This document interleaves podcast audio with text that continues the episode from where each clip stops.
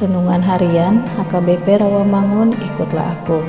Kamis 14 Desember 2023 dengan judul Sikapmu akan mempengaruhi jalan hidupmu. Bacaan kita pagi ini tertulis di dalam Yesaya pasal 66 ayat 5 sampai dengan 14 Bacaan kita malam ini tertulis di dalam Injil Lukas pasal 11 ayat 1 sampai dengan 4. Dan kebenaran firman Tuhan yang menjadi ayat renungan kita hari ini tertulis di dalam Amsal pasal 18 ayat 15 yang berbunyi Hati orang berpengertian memperoleh pengetahuan dan telinga orang bijak menuntut pengetahuan. Demikian firman Tuhan. Sahabat, ikutlah aku yang dikasihi Tuhan Yesus. Dalam Alkitab, telinga digambarkan sebagai pintu masuk ragam informasi. Bahkan Yesus sendiri menegur supaya mempergunakan telinga dengan baik. Yang bertelinga hendaklah mendengar. Bahkan di kitab Paulus ditegaskan kembali, tekunlah mendengar dan sedikit berkata-kata. Kitab Amsal berkata bahwa orang bijak tidak sekedar mendengar, melainkan menuntut pengetahuan.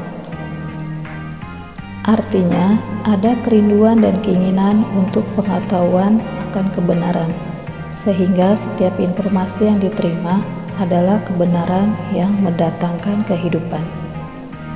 Demikianlah informasi itu dikelola oleh akal budi, dikelola, ditimbang di dalam hati, sehingga setiap keputusan atau perkataan yang keluar dari mulutnya adalah sesuatu yang bernas, berisi, dan seperti ucapan yang digarami.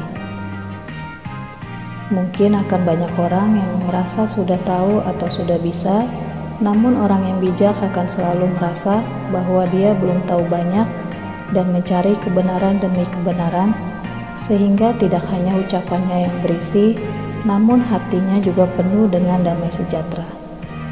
Pengetahuan kebenaran menuntunnya tidak sekedar menggunakan perasaan atau bahkan terbawa perasaan-perasaan yang sering sekali menipu. Ini juga menjadi ukuran kedewasaan atau kematangan pribadi, dipenuhi kebijakan akan juga dipenuhi oleh kebajikan. Mari kita terus bertumbuh dalam perjalanan hidup dan rohani kita dengan menjaga perkataan kita, menjaga sikap hati kita, dan terus bertumbuh menjadi makin bijak melalui pengetahuan dan hikmat.